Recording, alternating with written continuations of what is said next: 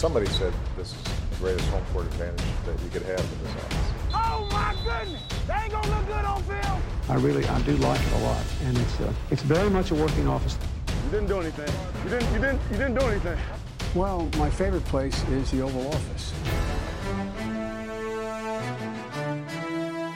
Hej og velkommen til det ovale kontor. Mit navn det er Mark Skafte Våbengård. Det er mig, der skal være jeres vært for dette program.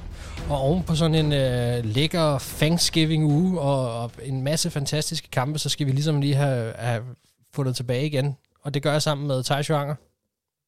Ja, fodboldkampe, ikke fodboldkampe, antager jeg. Ja, det er rigtigt, ja. Altså, det, det har jeg ikke så meget. Er det, er det noget med, de har tabt? Ja, de har tabt her i dag. Nu er de ude. Så det er sådan, vi er fem minutter over skuffelsen her. Nå, ja. Men det... Øh, Men så er det godt, vi har amerikansk fodbold.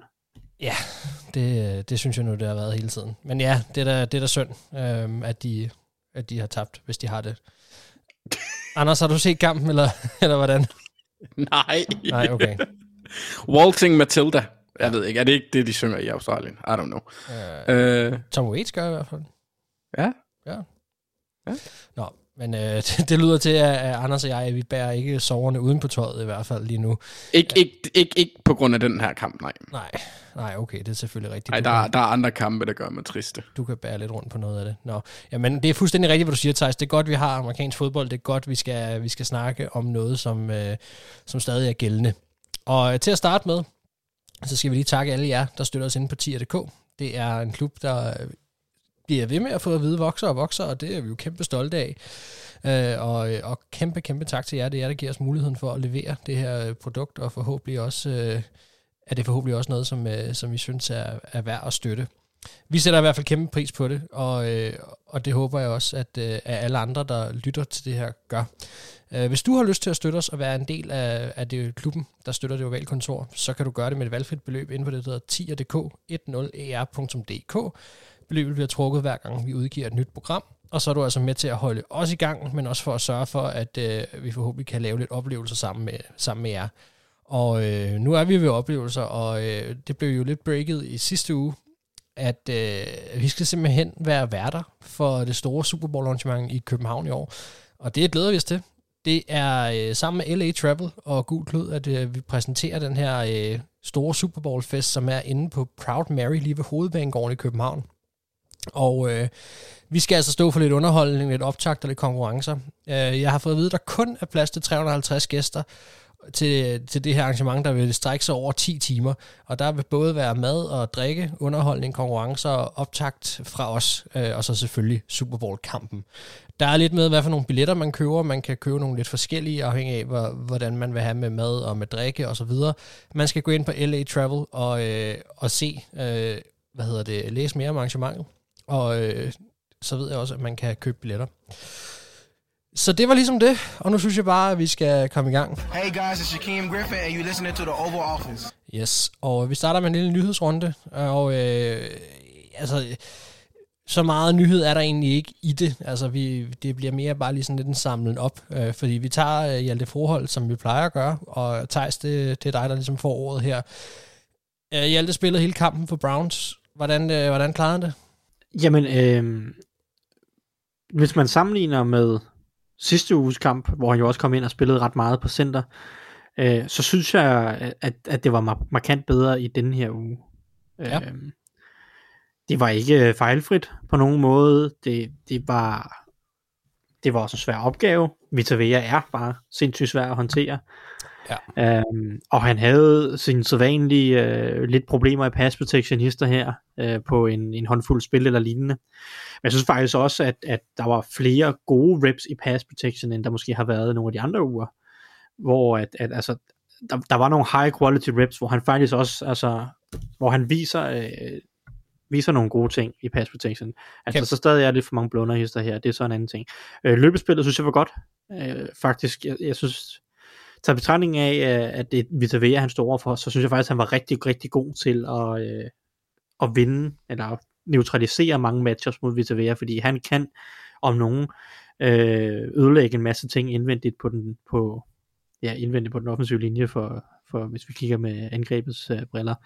Så jeg synes faktisk, i forhold til, hvor usikker han var på center, da han kom ind mod Bills, og nogle af de pass protection problemer, han har haft, øh, også øh, tidligere i sæsonen. Så jeg vil faktisk sige, at det her det var en af hans bedre præstationer, især når man ligesom tager konteksten af kampen og øh, modstanden og, og sådan helhedsindtrykket øh, lidt med. Jeg synes faktisk, at det var hederligt. Det var ikke, det er ikke sådan, jeg sidder og siger, at det var godt. Men jeg synes, det var godt nok til, at, at jeg regner med, at Browns bestemt starter ham på center også i næste uge, eller i den kommende uge, vel at mærket, mod uh, noget mere overkommelig modstand i form af Houston Texans. Ja, fordi så, det, øh, det var jo lidt det, der var lidt tvivl om, ikke? Altså, hvis han gik ud og, og, og bummede den lidt igen, altså hvor lang tid vil man så give ham, øh, eller hvor lang snor vil man så give ham? Men man kan vel godt tale om, at han, de her reps, han bliver ved med at få, rent faktisk hjælper ham nu. Altså, at han, han virker bedre. Helt sikkert, helt sikkert. Og jeg synes også, at, at jeg synes også, jeg kan se, at han, han lærer nogle ting i, i hvert fald i den måde, han øh, i hans pass protection i hvert fald noget af, jeg synes, hans, hans anchor bliver bedre og bedre, og det handler jo, altså alles, øh, altså, han er jo ret stærk, Hjalte Brohold, i forhold til, når han er i vægtlokalet og sådan nogle ting, i forhold til mange andre offensive linjefolk. Mm. Øhm, men det er ikke altid noget, der kommer ud til udtryk på banen. Jeg synes egentlig, at han, han, han er bedre til at få etableret sit anchor. Øh, det vil sige uh, sådan modstandskraft på en eller anden måde, når, især når de har store bamser, som for eksempel Vita Vea prøver at, at, at bullrushe ham. Øh, det synes jeg faktisk, han var, han var bedre til at, at få, øh, få skabt sig et lidt mere øh, stærkt fundament. Øh, så er der nogle andre ting, som, som glipper hister her. Øh, men men øh, jeg, synes, jeg synes overordnet set, at man godt kan se, at han lærer noget. Øh, og det er også fedt, og jeg håber, at han kan få lov til at spille resten af sæsonen ud, og vi, og vi kan se ud, øh, udviklingen også, så han kan begynde at stakke nogle gode kampe, hvor vi, som, vi, som jeg også har sagt før, vi har brug for, før vi sådan rigtig kan være sådan rigtig begejstret, det er, at han har brug for en eller flere kampe i træk, hvor vi sidder og tænker, okay, nu er der også styr på pass protection, det så i hvert fald, altså, at han, han spiller godt i den facet af spillet også. Det er mm. der, der er, lidt, der er flest usikkerheder. Ja. Ja, vi øh, håber det bedste for den store dansker og følger selvfølgelig ivrigt med. Og øh, der er faktisk lidt en rød tråd til, til det næste, vi lige skal vende her, øh, Anders, fordi det er jo ikke en hvilken som helst øh, quarterback, han lige pludselig skal, skal snap bolden til faktisk nok måske et af de mest øh, omtalte sportsnavne overhovedet i år i USA. Deshaun Watson, han øh, skal til at spille igen for første gang nu, siden 2020. Hvad, øh, hvad skal vi forvente? Altså, jeg vil først, altså, hvis jeg var Hjalte og skulle bøje mig for og foran ham, så ville jeg være lidt små nervøs. øhm, nej. Øh, jeg tror ikke, han er hans type. Ja. jeg, jeg har ikke de store forventninger. Jeg er mere spændt på at se, hvordan publikum tager imod ham. Han har trods alt ikke spillet i over to år snart. Øhm, og han måtte først, var det to år siden, han måtte begynde at komme ind i bygningen. Mm. Ja, ja, det var det. Øh, så det er jo også lige, øh, hvad, hvad, hvad, altså, det, det, det er en nem modstander, kan man sige, fordi Texans kan intet ud over at løbe bolden, hvilket nok også bliver deres sådan, hoved, eller deres primære outlet mod, mod Browns. Øh, to sekunder. Yes, sådan. Jeg havde en hund, der gerne ville lege. Ja, øhm, ja så, så jeg, ja, altså, jeg, jeg, jeg forventer rust, øhm, og så forventer jeg rigtig mange kast til Amari Cooper, ja. og et, et, måske også et rimelig tungt løbeangreb. Jeg tror ikke, de sætter alt for meget pres på ham i starten, fordi forventer jeg, der kommer til at være noget støj fra publikum. Jeg tror ikke, han kommer til at blive modtaget godt. Det et er, at, at det er øh, det, han har gjort. To er, det er hans gamle hold. Ja han møder, så jeg tror, altså der kan godt være en blandet af folk, der, altså der, det er der jo altid, der er blanding af folk, der holder med ham, og synes han var en fantastisk spiller, og lidt ser bort fra de anklager, der har været mod ham, og så der er det dem, der nok er øh, ret sure på ham. Og, og jeg har lidt på fornemmelsen, at sidstnævnte nok kommer til at råbe højst. Så jeg, jeg forventer ikke det store. Øh, jeg tror ikke, han går ind og, og ændrer deres sæson-outlook, om man vil. Øh, dertil er Bengals simpelthen for gode til, at Browns kan nå noget i min optik. Vi fik jo lidt en forsmag på, øh, på hvordan man vil tage imod ham i preseason. Ja. Og øh, jeg vil give dig ret. Jeg tror også, at, øh, at vi skal forvente, at, at der vil være en, nogle delte meninger omkring ham, når han træder på banen. Det, øh, altså, det er jo også meget typisk det NFL, det her med at, at få skabt de her storylines, så det lige passer sammen. Ikke? Altså, at det lige er Texans også. Og sådan, altså det, ja, der er lige pludselig mange historier i kampen, og, øh, og altså, jo, han er jo et, ud fra hans kontrakt, et, et, et kæmpe navn, som første gang træder på banen nu for det her Browns hold, der har mega forventninger til ham. Ja, vil du sige noget? Jo, jamen, vi havde ham jo også i top 5 året inden de her anklager kom frem. Mm. Altså, han var en ung spiller med et rigtig, rigtig højt loft, der spillede på et hold, der ikke var super godt. Han gjorde meget af det selv. Ja. Øhm, så, så det er en mand, med, der har et talent. Han har så bare en, en tvivlsom moral, om man, hvis man skal være sød, ikke? Ja. Øh, så, så altså, det er jo en spiller, der kan noget, der atletisk kan noget, og der kan, altså kastemæssigt kan han også en masse.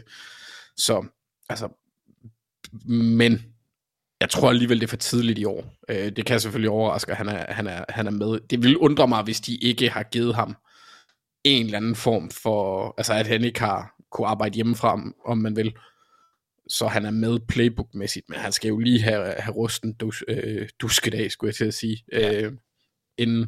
Så jeg tror ikke, at man skal som Browns-fan forvente det helt store, men det er så også på en, en, en modstander, der er, øh, hvis ikke det dårligste hold i NFL, så dårligere.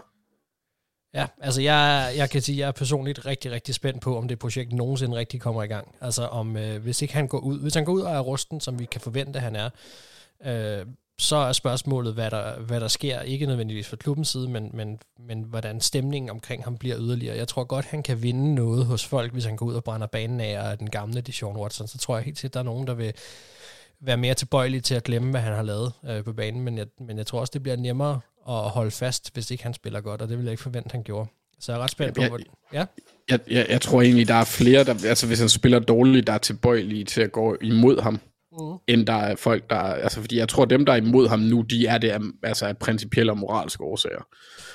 Ja. Øhm, jeg tror ikke, at han, om det kan godt være, at jeg tager fejl, men jeg tror ikke, der er ret mange, der bliver, hvad kan man sige, konverteret på grund af det. Jeg tror, de allerede, de, de, de grupperinger er opdelt. Ja, det kan godt være, du har ret, men der er jo altid et eller andet sted en masse, ligger på vippen, og der, øh, Ja, det er rigtigt. der kan han virkelig øh, dele vandene. Vi må se, hvad der sker med Deshaun Watson, øh, når han træder på banen for første gang med Hjalte som center, øh, og øh, forhåbentlig i hvert fald. Og, og så må vi se, hvad, hvad det er, øh, der møder ham, og, og møder os, øh, når det er, han øh, som meget, meget, meget kontroversiel spiller træder på banen, altså for første gang. But I went back to work, got up on Monday morning, and there it was. Glory hole. Jeg kan aldrig få nok af det det Jamen, er det kan jeg bedste ikke. citat. Jeg, jeg simpelthen jeg elsker det. Nå, øh, fik I svar på jeres spørgsmål. Øh, Thijs, lad os lige vende en gang. Du, du snakkede om, om Buccaneers, øh, og dit spørgsmål lød om, om Bucks var ved at finde deres fødder. Altså, er det, der er måske lidt glat under de fødder, eller... Ja, altså, jamen, de, de, er stadig, øh, de er stadig uden fødder. De har ikke fundet dem endnu. Nej. Øhm, ej, det, det var, det var sat tamt. Og, og det, øh, jeg ved ikke, der er ikke så meget tilbage at konkludere, fordi øh, jeg har, jeg har svært, jeg, har, jeg begynder at have svært ved at se, hvor det skal komme fra. Fordi det virker mest af alt bare som et fundamentalt dårligt coachet hold på langt de fleste punkter. Ja. Især offensivt, øhm, hvor at forventningerne er, store til, til, til, til det mandskab, de har. Øhm, de har lidt det samme problem, som, som Steelers og et par andre hold i ligaen har. Der er for mange spil, hvor som ikke handler om at få en første down, men bare handler om at få 5 yards. Øhm, du ved, det, det handler, det, der er alt for mange, for det første for mange løb på første og anden down. Mm. Øh, for det andet, øh, når de ikke så ikke løber den på første anden down, så er det halvdelen af tiden, er det en hitchrute, hvor du ved, målet er at få 4 yards. Eller en, en rute i flatten, hvor målet er at få 5 yards. Eller et screen, hvor målet er at få øh, 7 yards, eller et eller andet. Altså du ved, øh, målet med, med alt for mange af deres spil, er at få 5 yards, så de kan få en kortere tredje down. I stedet for, målet er at flytte bolden. Få en, altså alle downs skal handle om at få en første down. Ja. Ikke? De gode angreb i ligaen, de er gode. Ikke fordi de er gode på tredje down, men fordi de er gode til at undgå tredje downs. Ja. Fordi de allerede gør arbejdet på første og anden downs. Det er helt fundamental øh, sådan angrebsfilosofi, øh, logik. Der er nogle old school coaches, som har den der med, we have to get into third and manageable. Men, Ja. ja. men, men det er bare fuldstændig, øh, fuldstændig forkert. Det handler om, hvordan kan du på første og anden downs skabe så mange yards, at du ikke er presset på tredje down, eller du ikke ender i en tredje down. Um, Ja, og, fordi der, man der, kan- og, og det er et kæmpe problem for Buccaneers, fordi de, de har alt for mange konservative spilkald, alt for, alt for lidt en dynamisk og eksplosiv playbook. Øhm, og når de så, altså, så derudover er bare en, en generelt alt for, alt for konservativ coachingstil, altså Todd Bowles, han sejler rundt i konservatisme, altså det er Ja. øh, dårlige fjerde down beslutninger uge efter uge, clock management, der er lige til at skylle ud i lokummet, altså det er, det, det er, det er et dårligt coachet hold, og, og, og, og man sidder virkelig tilbage og tænker, fordi det er jo, Todd Bowles står jo ikke for angrebet, kan man sige. Han står for nogle af de andre ting, jeg snakker om i forhold til fourth down uh, decisions og clock management osv. Men man sidder virkelig tilbage med kæmpe store spørgsmålstegn, og man tænker, hvad, Brian Riffwich, som også var der sidste år, var det her angreb virkelig så meget borget af Bruce Arians? Eller har Brian Riffwich bare fået sat spændeseler på af, af, af Todd Bowles, og så har fået at vide, vi skal være bedre til at løbe bolden, vi skal køre nogle flere af sådan nogle spil her, hvor vi hjælper Tom Brady, og vi hjælper den offensive linje, og hvad ved jeg. Øhm, jeg, det- jeg ved det ikke. Det er højst overraskende det der, fordi det var jo noget, vi snakkede om ret gelente, at når ja, man går fra den ene til den anden, det behøver, behøver nødvendigvis ikke betyde så meget. De er stadig kompetente, og vi vil forvente nogenlunde det samme. Og det har vi overhovedet ikke fået jo. Ja, især fordi Bruce Arians har gjort så meget ud af at sige, øh, det er ikke mig, der styrer angrebet læ- læ- længere, det er Brian Leftwich. Ja. Ja. Det er ham, der kalder spillene, det er ham, der kører angrebet. Du ved, jeg er her bare til at, øh, at råbe af folk, når de gør det dårligt. -agtigt, Ikke? Altså, det var lidt den rolle, Bruce Arians havde taget til sidst i karrieren. Øh, og, og, og måske er det bare Bruce Arians, som jo altid har været god til at prøve at fremme sin, sin assistenters karriere. Måske var det bare ham, der underspillede sin egen rolle lidt. Eller måske har Todd Bowles gået ind og ændret nogle ting omkring rammerne, eller i rammerne omkring Leftwich, som gør, at det her angreb, øh, ja, og det kan også være Tom Brady, der er inde, og, og jeg, jeg ved det ikke, det, men uanset hvad, de ikke ved at finde deres fødder, Buccaneers. Nej. Det her angreb ser dårligt ud. Forsvar har nogle, nogle problemer hister her, men overordnet set er det egentlig et okay forsvar. Men coachingmæssigt, angrebsmæssigt, der er det bare ikke godt nok. Og øh, det kan godt være, at de vinder divisionen alligevel. Men øh, hvis vi skal være helt ærlige, så kunne Panthers lige så godt vinde den her division som de andre tre hold, øh, sådan som formkurven er lige nu. Ja, ja. Øh, og og, og det, det er fandme sørgeligt. Men øh, ja, konklusion, øh, nej, de har ikke fundet deres fødder. Og øh, jeg, jeg synes, at de, har- de, de er langt væk lige nu. Det, det undrer mig sindssygt meget, fordi de er så kompetente, også, også i og med, Brady er der. Altså, hvor, hvor, hvor er han henne? Fordi han kan ikke være tilfreds med det her. Han har plejer at skulle have så meget at, at have sagt, ikke? Altså, i forhold til, hvad, hvordan angrebet skal køres, ikke? Så det, det undrer også mig gevaldigt. Altså, han jeg er godt klar over, at han dealer med nogle andre ting også, og det kan være, at det også er det, der gør, at han helt mentalt måske ikke er helt til stede på samme måde, som han plejer at være. Øh, men altså, det er noget mærkeligt noget med boks for tiden. Nå, øh, Anders, du, Ja. øh, du snakkede Justin Fields og, øh, og hans møde med Jets. Ja, Ja. ja. Om, de kunne, om de kunne stoppe hans ben. Det kunne de godt. Han fik 0 yards. Det var godt klaret. ja, det må man sige. Nej, altså, i, nu spillede han ikke, så jeg valgte lige at kigge en lille bitte smule, bare kort, på, øh, hvad hedder det, Mike White, Jets' offense. Ja. Og det var egentlig, det var egentlig ret interessant at se dem med en quarterback, der faktisk præsterer at spille inden for rammerne af angrebet med timing. Ja, bestemt. Øhm, ja, og det, var, det, var, det skal også siges, det var en mega billig baggrund. Uh, for Bears er super dårlige på forsvaret, manglede en del spillere, mistede også Eddie Jackson undervejs. Så alt skal tages med et græns salt. Han er ikke en world beater, men det var tydeligt at se, at det var nemmere for receiverne, når de vidste, hvor og hvornår bolden var et sted. Og særligt uh, Garrett Wilson eksploderede jo. Uh, og jeg synes, kastet til ham var indikativt, for det var selvfølgelig lidt heldigt, øh, om man kan vurdere det, eller formulere det på den måde, at Eddie Jackson, han faldt og slog sig på det Mm, spil, ja. gjorde det lidt nemmere for ham. Men, men det var bare tydeligt, at der var lidt mere kompetence, der var en, en rigtig NFL-spiller inde, og så synes jeg også, det var lidt fedt at se, bare en lille bitte smule til Elijah Moore, der tydeligvis var helt op at køre bagefter. Sådan, hvis man ikke har hørt dem, så gå ind og opsøg de citater, der var fra ham efter kampen. Det var, det var sjovt. Ja, og så spiller, skal jeg- spiller ja. nok sin bedste kamp jo, i, altså indtil videre, ikke? Altså, og, ja, det, Ja, han har været underligt øh, ikke brugbar hele året nærmest. Men det er jo fuldstændig rigtigt, som du siger, det er jo, det er jo, det er jo, det er jo rigtigt, at du slår ned på det der med, at, at når de bare har en inde, som i det mindste kan være af en eller anden form for NFL-kaliber, så er det ikke nødvendigvis ham, der sådan blomster, men det er angrebet, der blomster. Lige pludselig så ser vi de her spillere øh, rent faktisk være funktionelle i angrebet. Og det er, Ja. som du selv siger, virkelig interessant. Altså. Ja, og det er ikke, det er ikke fordi, jeg tror, Mike White er Jets' fremtidige quarterback. Nej, på nej, ingen det, måde. det siger jeg heller ikke, men det viser Men- lidt om, hvad de andre kan, øh, når der bare Ja, kommer altså jeg lidt. synes, det, det er jo, det, hvis man skal, den måde jeg har formuleret det på, det, det, der var en tydelig forskel på at se en professionel, og så Wilson, der er ved at lære at være professionel.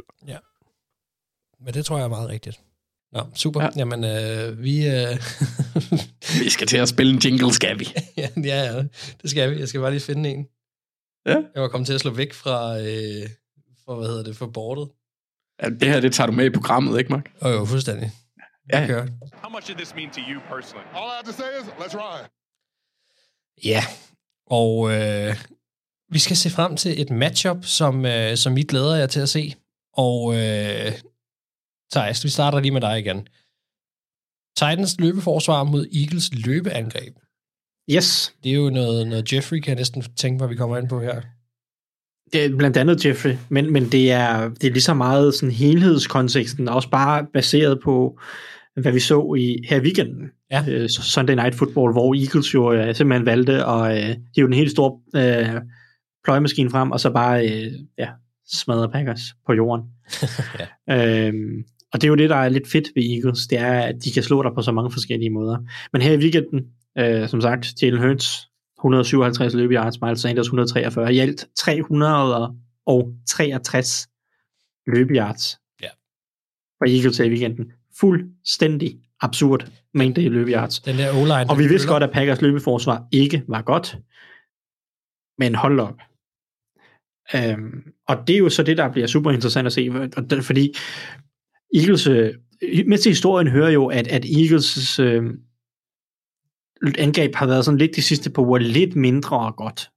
Øh, har haft lidt svært ved at finde rytmen, lavet lidt flere fejl og sådan nogle ting. Og så går de tilbage, så skal jeg til at sige back to basic, så løber de i bolden, og det er jo også et godt matchup mod øh, Eagles selvfølgelig, eller måske Packers, og så, øh, så smadrer de dem bare. Og, og det, der så er interessant i den her uge, det er så, at de møder Titans. Og Titans har ligaens ja, klart bedste løbeforsvar, mål på DVOA. Øh, og, det, og det er jo så godt et løbeforsvar, at, at holdene i år bare har, altså rigtig mange hold har valgt at sige, vi kan ikke løbe bolden mod Titans. Vi kaster bolden hele tiden. Altså det er, jeg kan ikke huske, om det er nummer et, det hold, der er kastet mest imod, eller om det er næsten mest. Altså holdene, de kaster bare rigtig meget mod Titans, fordi de kan ikke løbe bolden. Mm. Og det er jo fordi, at, at Titans har jo øhm, simpelthen valgt at sammensætte en defensiv linje bestående af folk, der i gennemsnit vejer 280 pund. Ja, det er nogle store basser. Øh, eller, eller mere. Altså, du, du har jo Jeffrey Simmons inde i midten, og så har du et par andre øh, store typer i Naquan Jones og Talia Tart og, og hvad ved jeg, som jo er deciderede runstopper, øh, de, de to sidste, øh, jeg nævner her. Og så sæt Jeffrey Simmons, der kan det hele. Men så har de jo også valgt på rigtig mange base downs, øh, har de jo nogle tunge defensive ends inden.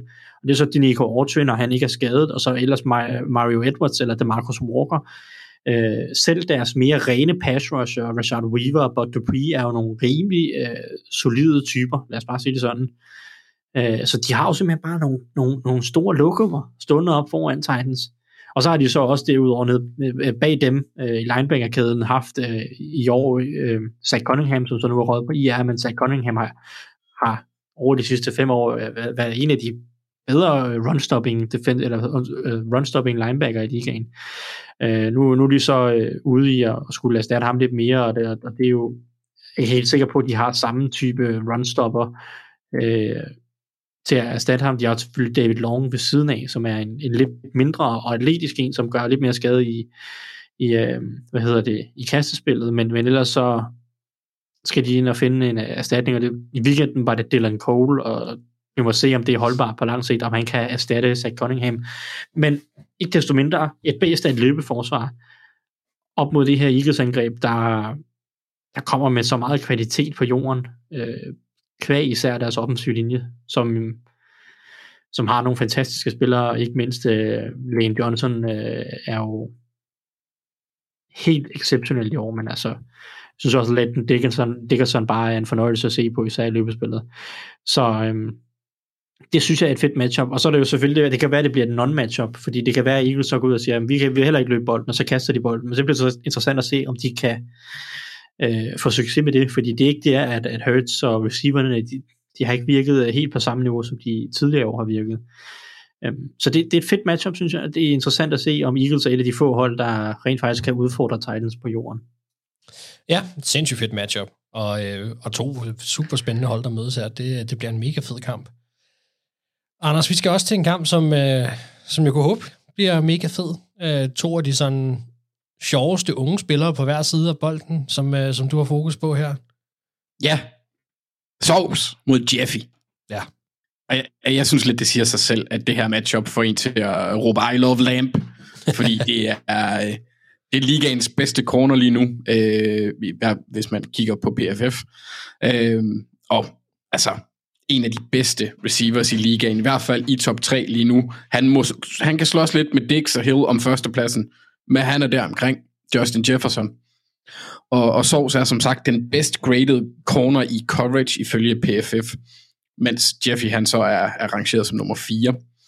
Og Jefferson han har været snublende enten, enten over eller snublende tæt på 100 yards i de sidste 7 af 8 kampe.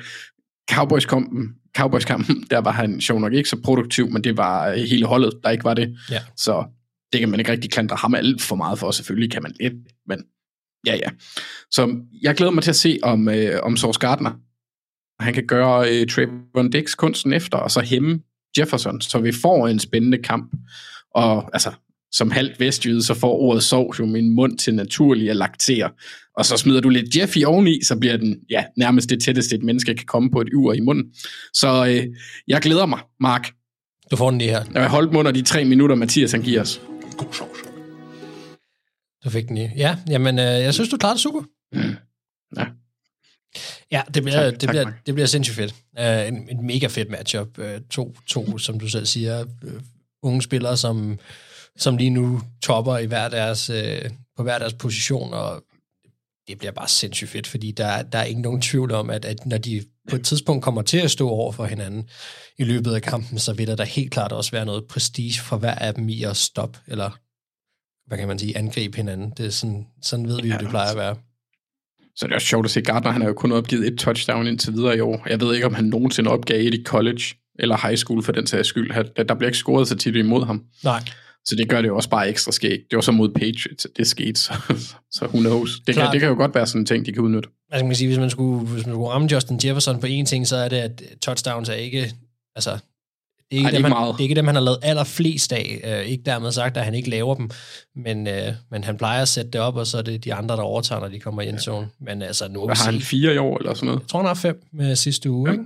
Men, øh, men det, det, det er jo fordi, man sammenligner ham med, så når man så kigger Randy Moss stats og nogle af de andre, hvor han slår dem, altså i receiving yards og så videre inden for de første sæsoner her, så, så er der stadig et kæmpe spring i forhold til touchdowns receptions. Så, så det er jo en af de ting, der nogle gange bliver slået lidt ned på lidt åndssvagt. Julio-sygdommen.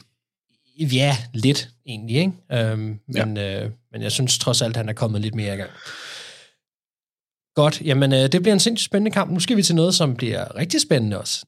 Why? Why? Why? Why? Why? Why? Tell me why ain't nothing but a party. Tell me why ain't nothing but a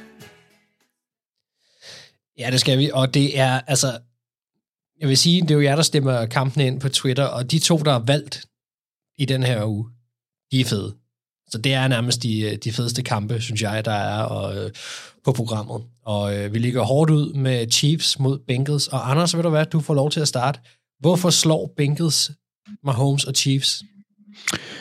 Jamen altså, jeg har valgt at kigge på, på matchups, og, og jeg vil starte på angrebet. Ja. Fordi Bengals offensiv linje har egentlig spillet bedre i løbet af den sidste måneds tid, øh, og det er lidt nødvendigt at fortsætte, for den at fortsætte med det. For øh, hvis de skal vinde, så skal Ted Karras, Alex Kappa og Cordell Walson spille en af deres livskampe, for de står over for Chris Jones. Der har gang i en mesterlig sæson. Han er, øh, hvis ikke DPOY, så meget tæt på. Han har været rigtig god i år.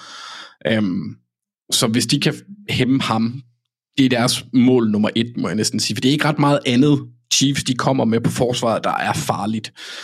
Øhm, så hvis Burrow får lidt bedre tid, så har han også tid til at finde blandt andet Samaji P. Ryan, der som Mathias også nævnte i sidste uge, har haft et par rigtig fine kampe, øh, mens øh, som erstatning, om man skal sige, eller vikar for Joe Mixon. Mm. Og Chiefs, de er ikke voldsomt gode til at dække running backs op i luften. Og der er Samaji P. Ryan altså øh, en... Øh, han kan godt levere nogle store spil, øh, og han giver Bengals en matchup-fordel der. Og så er der det helt store på angrebet, det er Burrow, T. Higgins, og så måske Jamar Chase, hvis han er med. Ja, regner vi ikke med det, eller hvordan... Øh, har du en ny status på ham? Jeg, jeg går ud fra, at en af årsagerne til, at han ikke spillede i weekenden, selvom det var en topkamp, det er, at de, de, de gerne vil have ham sådan nogenlunde klar til Chiefs også, fordi det bliver i min optik, bliver det et shootout. Ja. Altså, det hvem, hvem kan score mest, fordi Jeg kan informere, at øh, Jamar Chase har netop øh, på en eller anden form for pressemøde, eller i hvert fald til reporterne sagt, at han, øh, det var ham selv, der trak sig ud af weekends kamp og sagde, at han var ikke helt komfortabel endnu. Øh, okay. Men han regner med at spille øh, nogle snaps, i hvert fald i weekenden. Okay. Det kan også være lidt et røgslør, men i hvert fald spiller han så, lyder det til. Fedt. Ja. Og, og det skal siges, der er øh, grunden til, at jeg nævner Higgins og, og Chase, så erstatte ham med Boyd, selvom han ikke er helt det samme, eller hvad hedder han, Trent Urban, et eller andet, ham, ham den langhårede Ja. øh, hvide dude. Bare receivers generelt, der er to hold i øh, NFL i år, der har opgivet, altså der, der står for flest opgivet touchdowns til receivers med 15, og det er Steelers, som sutter, og, øh, og så Chiefs. Jeg var lidt overrasket over, at Ravens ikke var deroppe faktisk, men Steelers og Chiefs har opgivet flest touchdowns til wide receivers, og Bengals står så over for en cornerback-gruppe, der består af Jerry Sneed, Chris Lemons, som jeg aldrig har hørt om før, og så rookies. Så de har en klar fordel der. Og hvis Jamar Chase, vil sige, hvis han spiller halvdelen af snapsene, så har de jo to wide receiver etter, fordi T. Higgins, han, han, han begynder altså at vise sig fra sin gode side. Så det bliver, det bliver en win condition, og hvis Bengals så samtidig fortsætter med at være bedre til at, hvilket de har været på, den, på det seneste, bedre til at inkorporere tendensbrydere, så har angrebet det, der skal til for at følge med Mahomes. Og det er det, de skal. For forsvaret skal nærmest bede til djævlen, eller hvis du er konspirationsteoretiker, Mette Frederiksen, for det bliver svært. Det bliver sygt svært. Øh, Chiefs er hammerne gode i år øh, på angrebet. Med Mahomes og Kelsey ødelægger folk. Altså deres øh, forbindelse er øh, nærmest unaturlig. Øhm, så jeg har dog en, et matchup og en spiller, som jeg har fokuseret på, der kan gøre forskellen for Bengals. Og det er DJ Reader. For efter han er kommet tilbage, altså, så er det bare gået opad for, for deres forsvar. Han er simpelthen bare god. Han kan ødelægge lommen mod Chiefs' ellers fremragende øh, indvendige linje, og så giver det bare bedre muligheder for Trey Hendrickson og Sam Hubbard til at lave løjer med Kermit. Så, så Bengals, de vinder øh, ved at kaste til running backen, kaste til deres receivers, så har de Burrow, der er et based, og så ved at forsvaret kan lave nogle få spil, og her er det så DJ Reader og, og Trey Hendrickson, men primært DJ Reader, jeg sætter min lid til at gøre forskellen der, også fordi han kan gøre noget i løbespillet, hvor uh, Andy Reid også er blevet lidt mere villig til at give bolden, efter de har fået Pacheco i gang. Så, så det er min vej til sejr for Bengals. Ja, jamen uh, tak for det. Jeg tror, jeg skal have fat i nogle uh, Kermit soundbites på et eller andet tidspunkt. Nå, Uh. Nå der var måske allerede noget der. Jeg ved ikke, om det var Kermit eller Swedish Chef. Jeg, øh, i, i, den sidste har jeg lidt på hjernen af frygt for andre ting. Uh, ja, ja, det kan jeg godt forstå. Det kommer vi til senere. Øhm, Thijs. Chiefs. De skal knuse Burrow. Mathias og Strømme i den her uge. Hvordan gør de det? Ja, altså det, det er lidt, og det er, som Anders allerede har været inde på, det er to gode angreb øh, mod to forsvar, der også minder om hinanden øh, på, mange, på mange punkter. Øh, både styrker og svagheder. Øh, det, som jeg synes tipper den i Chiefs' retning, det er, at, at de er lidt en bedre version af Bengals offensivt. Øhm, Mahomes er suveræn lige nu. Chiefs angreb er suverænt. Det er klart ligaens bedste angreb. Øh, DVOA, EPA per play, øh, points per drive, øh, hvad som helst. Øh, jeg synes også, jeg så at points per drive er det også et øh, top 10 angreb, historisk set. Øh, de er i gang med at sætte på benene i år. Det er et vanvittigt godt angreb. Øh, og Bengals' forsvar øh, er, er solidt. men heller ikke, heller ikke usårligt. Jeg synes, at, at der er nogle muligheder, øh, især i kastespil, for jeg tror ikke, at Chiefs, de, altså, Chiefs vinder jo sjældent på jorden, men som Anders også siger, at DJ Reader gør en kæmpe forskel for det der Bengals øh, løbeforsvar. Men jeg synes, der er nogle muligheder øh, mod for det første synes jeg, der er nogle muligheder i midten af banen uh, for Travis Kelsey, for jeg synes egentlig ikke, at, at Von Bell eller at Jesse Bates har, har gang i deres bedste sæson. Øh, der er, I weekenden så vi også uh, Titans have rimelig god succes med at angribe Seams uh, og, og, og midten af banen, både selvfølgelig screenet til Derrick Henry, som måske er lidt uh, ikke så meget en tendens, uh, man slår Bengals på, men også, jeg synes, Nick, Nick Westbrook Akine kommer ind og griber et par bolde ned igennem Seams, og det, og det kan jeg sagtens se uh, Øh, Chiefs også godt udnytte. For jeg, jeg, jeg synes ikke, at deres safeties uh, er gang i deres øh, coverage-mæssigt bedste sæsoner. Um, som sagt, men altså ellers så synes jeg bare, at Chiefs angreb er, er, er fuldstændig ustyrligt. De kan slå dig på så mange forskellige måder, og det er noget af det, jeg synes, de gør bedre, det er, at de er bedre til at de er bedre til at spille i rytme, de er bedre til at være, de er ikke så lige så afhængige af, af de eksplosive spil. Øh, bedre til at, at grinde yards ud. Øh, bedre til at angribe midten af banen med selvfølgelig Kelsey, men også øh, Juju Smith-Schuster. Øh, så, så jeg synes overordnet set, at Chiefs angreb lidt er svært at stoppe. Og jeg kan ikke rigtig, jeg kan ikke rigtig se, hvor det er, Bengals kommer til at gøre vanvittigt ondt på det her, på det her Chiefs angreb. Det, det, der er også nogle muligheder udvendigt både en, en rookie, Cam Taylor Britt. Øh, og det, jeg synes bare, det er svært, at, det er svært, at, det er svært at gøre noget med Mahomes. Så sådan første argument er bare Mahomes. øh, uagtet at Bengals angreb også er godt, så øh, er Chiefs angreb bare suverænt. Defensivt, helt enig i, Chris Jones er en kæmpe win condition for Chiefs. Han, øh, han er suveræn, og Bengals indvendige offensiv linje er, øh, er den mest usikre, især som jeg har, tror jeg, det er tredje uge i træk, at jeg nævner venstre guard Cordell Volson.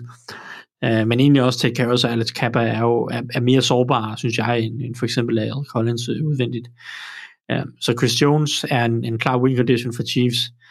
Uh, så vil jeg sige, jeg er interesseret i at se, om Bengals' angreb er eksplosivt nok til at følge med Chiefs og Mahomes. Um, det kan være, at Chase gør forskellen der, men, men hvis han kun spiller øh, et begrænset antal snaps, og hvad hedder det, han måske heller ikke er helt øh, sådan, har, har fået banket alrusten af, så, så synes jeg, at Bengals' angreb i perioder har en tendens til at være mange korte kast, mange screens til running backs, og det går, lige, det går fint lige nu, fordi Samaje Pira er nu meget af ligens bedste receiving back lige pludselig. øhm, øh, det er så bare et spørgsmål om, hvor længe det kan blive ved, men, men lige nu, der, altså, Det det, det, er mange korte nu. kast, det er mange kast til running backs, det, det er mange hitchruter, og, og jeg kan ikke huske, hvornår jeg sidst har set Bengals sådan rigtig ramme en bombe dybt, eller du ved, øh, lave store eksplosive spil, udover øh, de der øh, kast udv- udvendigt til T. Higgins, som han nogle gange laver nogle gode, øh, gode contested catches på. Altså, det, det synes jeg trods alt, selvom at Bengals angreb har været godt, øh, selvom Chase har været skadet, den der eksplosivitet, det har de manglet uden Chase. Og det tror jeg, det kan godt blive et problem mod Chiefs, der scorer mange point. Altså er Bengals' angreb eksplosivt nok, godt nok til at, at lave de her, den her høje mængde point, øh, der skal til øh, mod et, et Chiefs forsvar, der trods alt også er ret disciplineret. Fordi Chiefs forsvar er solidt, både mod løbet og mod kastet. Og især synes jeg, at det er tydeligt at se, at Chiefs forsvar har fået et løft, siden Trent McDuffie er kommet tilbage fra skade. Øh, det, det gør hele deres secondary væsentligt mere solid, at de har noget mere kvalitet på, på den udvendige cornerback-position. Især den her uge kommer det til at være altafgørende, at, at de, har været, de er ved at have sådan solidificeret deres secondary, selvom den er meget ung, så synes jeg, at, at det begynder at se fornuftigt ud med McDuffie, eller Darius Sneed, som er mega dygtig, øh, Justin Reed øh, spiller godt, og Brian Cook, rookies øh, safety, egentlig også spiller fornuftigt. Så for mig handler det om tre ting. Mahomes er bedre end Burrow. Chiefs angreb er bedre end Burrow, kan man sige. Eller Chiefs angreb er bedre end Bengals. Chris Jones er en kæmpe faktor, som virkelig kan gøre meget for at øh, ødelægge Bengals' angreb. Og så er det spørgsmålet, om Bengals er eksplosiv nok til at følge med Chiefs. Og jeg ved ikke, om, om, deres, øh, om de kan begrænse Chiefs på den måde, som de tidligere har begrænset Chiefs med at bare droppe øh, 8 mand tilbage i coverage. Øh, altså det, de havde succes med sidste år. Mm. Øh, og og det, var, det, var, det var det, der var hele pointen med det her med, at Chiefs er bedre til at grinde yards ud. De er bedre til at, at få nogle yards under neden og finde hullerne imellem zoner. De har nogle bedre spillere til at udnytte zone coverage. Blandt andet Juju. Um, så ja, Ja, altså vi nu kan... ved, jeg ikke, om, nu ved jeg ikke, om Juju er med i weekenden, kan man sige. Var han ikke med i den her uge? Jo, det var han. Jo, jo præcis. Ja, ja, nej, men det, f- ja. Tak for det, Thijs. Det bliver en kanonfed kamp. Uh, jeg glæder mig til, når vi skal, når vi skal snakke picks, om, uh, om der er nogen, der, uh, der tør hoppe på, på for eksempel et Bengals hold. Nu må vi se. Så hopper vi videre til det, som næsten uh, må kaldes uh, ugens brag, i hvert fald i, i mine øjne. 49ers mod Dolphins, det er jo øh, Mike McDaniel Light, eller Shanahan Light, eller hvem der nu er hvem. Altså, det er jo, det er jo, vi kan jo forvente alt i den her kamp. Og øh, Anders, du ligger ud med at fortælle mig, hvordan 49ers har vundet den her kamp, hvis de har vundet. Jamen, altså, jeg ser, jeg ser lidt den her kamp som mig og min bror, da, da vi slåsede som barn. Vores far lærte os den samme måde at slås på, som man prikkede til hinanden med to fingre. Men han er, han er venstrehåndet, og jeg er højrehåndet, så det passer altid med, at når han prikkede mig, så prikkede jeg ham, så var åbningen der. Så vi Ja. stod bare og, og prikkede hinanden. Det, det virker lidt sådan, fordi det er jo, i hvert fald angrebsmæssigt kan man jo sige, de minder lidt om hinanden, bare med lidt forskellige spillere, men altså, de kender hinanden rigtig, rigtig godt. 49ers har øh, ligaens lige nu femte mest effektive kaste angreb. Og på angrebet, der bliver det vigtigt for dem. Og jeg synes egentlig også, at Jimmy Garoppolo han har spillet effektivt de sidste par, par kampe. Fordi ja, altså Dolphins forsvar er ikke noget at hurra for, og de er heller ikke super gode i, øh, jeg tror de er 17 overall i DVOA, men de er ikke ret gode mod kastet. Så det er en fordel til, til 49ers' angreb. Og så vil jeg så sige, at den primære win condition for 49ers, det er forsvaret. De har været uhyggelige, måske på lidt billige baggrund. De har ikke opgivet et, et point. Jeg ved ikke, hvor mange quarters efterhånden.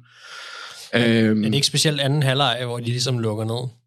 Ja, der har de været massivt gode, og nu, nu møder de jo så også et hold, og det her, det, det, det er derfor matchuppet i sig selv, hvis, vi, hvis det ikke var blevet valgt, så havde vi nævnt det, fordi det er super interessant at se, hvad hedder det, Miko Ryan står for uh, Mike McDaniel. De kender hinanden. De mm. kender hinandens tendenser. Det, det bliver simpelthen så spændende, og jeg vil jo så sige, at kan man sige, at 49ers har en fordel? Ja, det kan man godt lidt. Nu vil jeg også lige se, jeg mener, at Teron Armstead han blev skadet øh, i weekend. Der er i hvert fald lige noget at holde øje med der, øh, Ja. omkring øh, hans status for, for kamp, og det er selvfølgelig enormt vigtigt for, for Ja, Dolphins. for, efter han blev skadet, altså Tua, han blev jo, det var heldigt, altså det var godt, de var foran med, jeg ved, hvad, 30 point ved halvleg, fordi efterfølgende, der blev Tua slagtet, de, så de, de gjorde jo ham ud. Men han, det, det er en linje, der kan snakkes med. Mm. Og når man så har øh, Joey Bosa, der er, øh, ikke Joey, Nick Bosa, ja. der, der er et monster, så bliver det bare, så bliver det jo bare en, en, en, en lege, altså kan gå hen og blive en legestue for dem. Så 49ers matchup-mæssigt på den defensive linje ser jeg et rimelig stor, en rimelig stor fordel, særligt hvis Armstead han er ude. Fordi det har vi set tidligere, at Miami de blev lidt mere menneskelige, fordi de ikke, altså de skal ikke bruge meget tid til at komme åben, fordi deres receivers er så pokkers hurtige, men det hjælper lidt at have en af de bedre øh, left tackles i ligaen. Har de ikke ham med, så tipper vægtskålen lidt i 49ers' øh, øh, retning for mig. Så altså, for at være helt ærlig, kort og godt, forsvaret er øh, 49ers' win condition. For det, det, hvis de kan hæmme Miamis eksplosive spil, hvis de kan prøve at gøre noget ved de to mega hurtige spirvipper, så har de en, en, en ret god chance. Problemet for 49ers er, hvis det bliver et shootout. Så derfor er forsvaret vigtigt. Øhm, vi har så også set på angrebet, at Brandon Ayuk er ved at begynde at finde sig selv. Øh, George Kittle er vågnet igen. Så det begynder at se lidt sjovere ud for dem. Det begynder at, man begynder at få de der minder om, øh, om Super Bowl-året, hvor de jo var meget tæt på at slå Chiefs. Nu skal de jo bare, det er jo så et andet hold, men de skal være vågen hele, hele kampen. Måske ikke lige så meget, fordi Tua, selvom han har spillet godt, så er han ikke Patrick Mahomes. det må man nu sige. men det er forsvaret for min, min optik. Og så, så altså, jeg, jeg ved godt, at jeg siger det her hver gang Jimmy Garoppolo han spiller. Han skal lade være med at lave en Jimmy. Ja. Altså, så, så, så, så har de i hvert fald en større chance. Men, men puha. Ej, jeg glæder mig til den her kamp. Men, men forsvaret, forsvaret i win condition. 49ers vinder, fordi de er væsentligt bedre øh, end Dolphins på forsvaret. Og Ja. jeg tror godt, at, at, at angrebet kan være med. Jamen, øh, det må vi jo høre så, øh, Thijs, nu, om, øh, om du tror, de kan det også. Altså, det, det er jo en vanvittig spændende kamp, den her. Og, og du har jo fået æren af at fortælle, øh, hvordan øh, Mike McDaniel, han øh, tager bagdelen på sin gamle chef, havde han har sagt. Øh, altså, hvordan, hvordan vinder Dolphins den her kamp, hvis de har vundet? Jamen, det er interessant, fordi det er jo faktisk hold, som Anders siger, det minder lidt om hinanden, og det er meget styrke mod styrke. Øh, og, og det gør det interessant at se, hvem der egentlig kan komme ud øh, på den anden side. Øh, for mig at se, så skal Dolphins vinde den her kamp, fordi de har haft et angreb, der har været tæt på at stoppe lidt den her år, i år. Øh, og, og de kan bare score helvedes mange point rigtig, rigtig hurtigt. Og det er jo så interessant at se, at de også kan det mod 49ers. Jeg synes, der er nogle ting, som taler for, at, at, at Mike McDaniel finder noget produktion, og finder en mulighed for at overkomme nogle af de ting. Vi, vi kan starte med den offensive linje, som Anders jo nævner, øh, og det er helt rigtigt, men altså, Dolphins offensive linje har været dårlig hele året, og det har ikke betydet noget, fordi Mike McDaniel er så vanvittigt dygtig til at, at, at hjælpe sin offensive linje med scheme og play action og øh, moving pockets og øh, extra protection. Øh, øh, så mange forskellige looks, som gør, at den defensive linje bare sjældent kan give fuld los Ja. og, og jagte øh, Tua fuldstændig uden bekymringer. Fordi der foregår så meget andet på det angreb, som hjælper, hjælper Tua og hjælper den offensive linje. Så, så det første er, at der er en tiltro til, at Mike McDaniel øh, kan gøre det, som han har gjort hele året. Og det er at, at skime ting så godt, at han kan øh, paralysere nogle af modstandernes største styrker, øh, i det her tilfælde for den Niners' pass rush måske.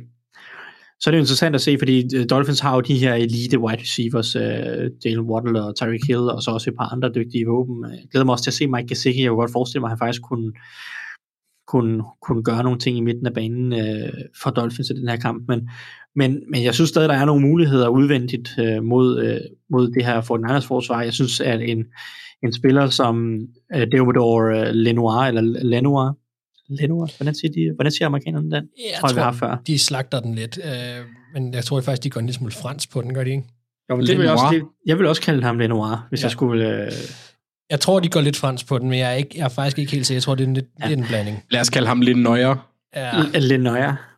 Øh, jeg synes, der er muligheder mod ham øh, for, for receiverne. Jeg synes også, der er nogle muligheder mod øh, Jimmy Ward, som ofte spiller i slotten. Jeg synes ikke, Jimmy Ward er allerbedst i slotten. Jeg synes egentlig, han øh, ideelt set er, er bedre på, på safety, men der, der har de jo Hufanga og Gibson, som har spillet rigtig godt i år, så Ward han, han hopper så lige øh, ned som, øh, som slot cornerback mange, øh, mange af snapsene.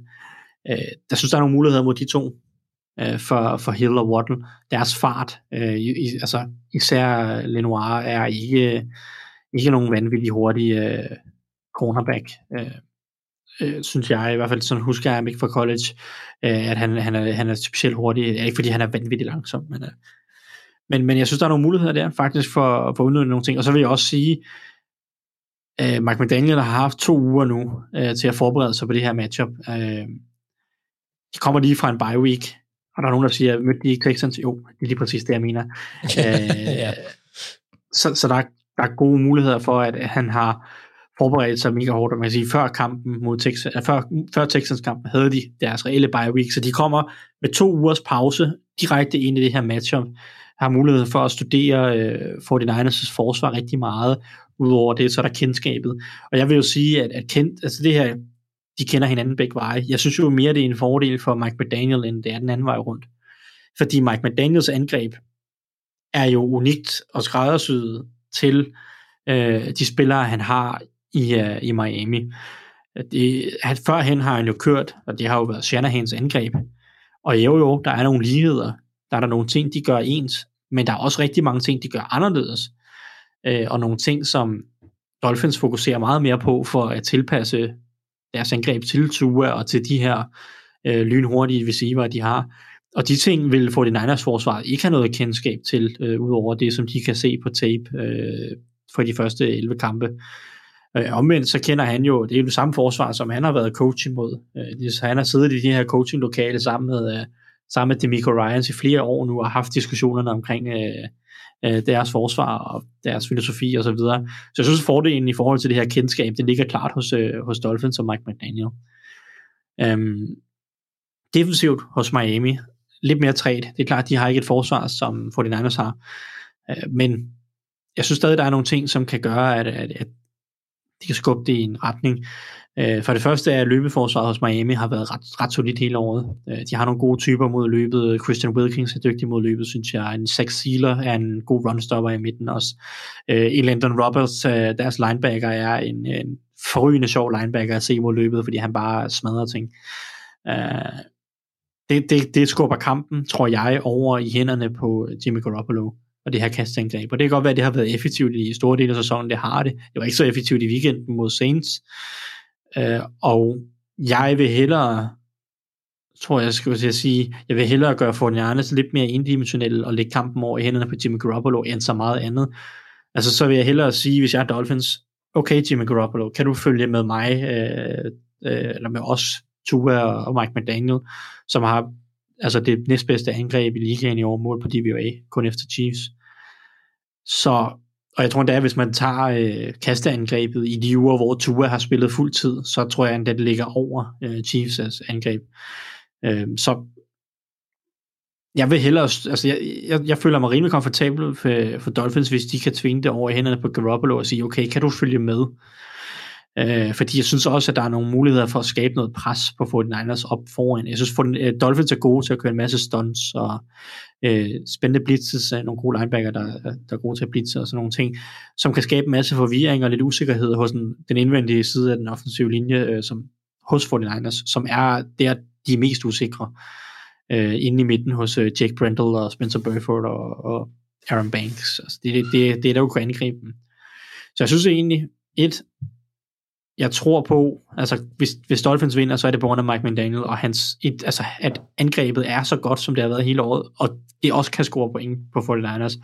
Lidt andet på grund af de dygtige wide receiver mod Lenoir og Ward, men også bare kendskabet til det her forsvar. Og så vil jeg sige, at løbeforsvaret hos Miami bliver essentielt for at prøve at gøre 49ers lidt mere indimensionelle, og presse Jimmy Garoppolo ud til at skulle gå og følge med Tua og det her angreb.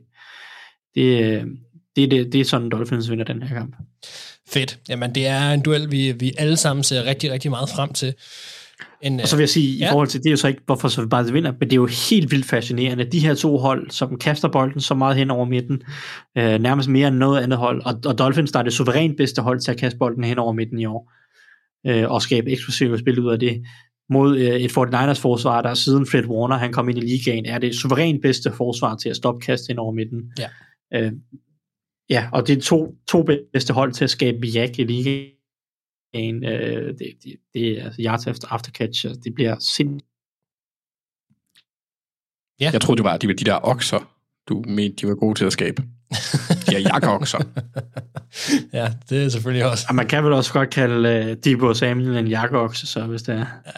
Det kan man godt. Og, og man kan også godt sige, at, at Jimmy Garoppolo, han lever på jakkeokser. Ja, det, det er en, en kalifornisk kur, måske. Ja. Godt. Vi, øh, vi hopper videre. I have always been absolutely strapped.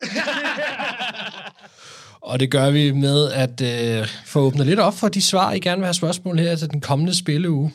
Og øh, Thijs, vi bliver lidt ved dig.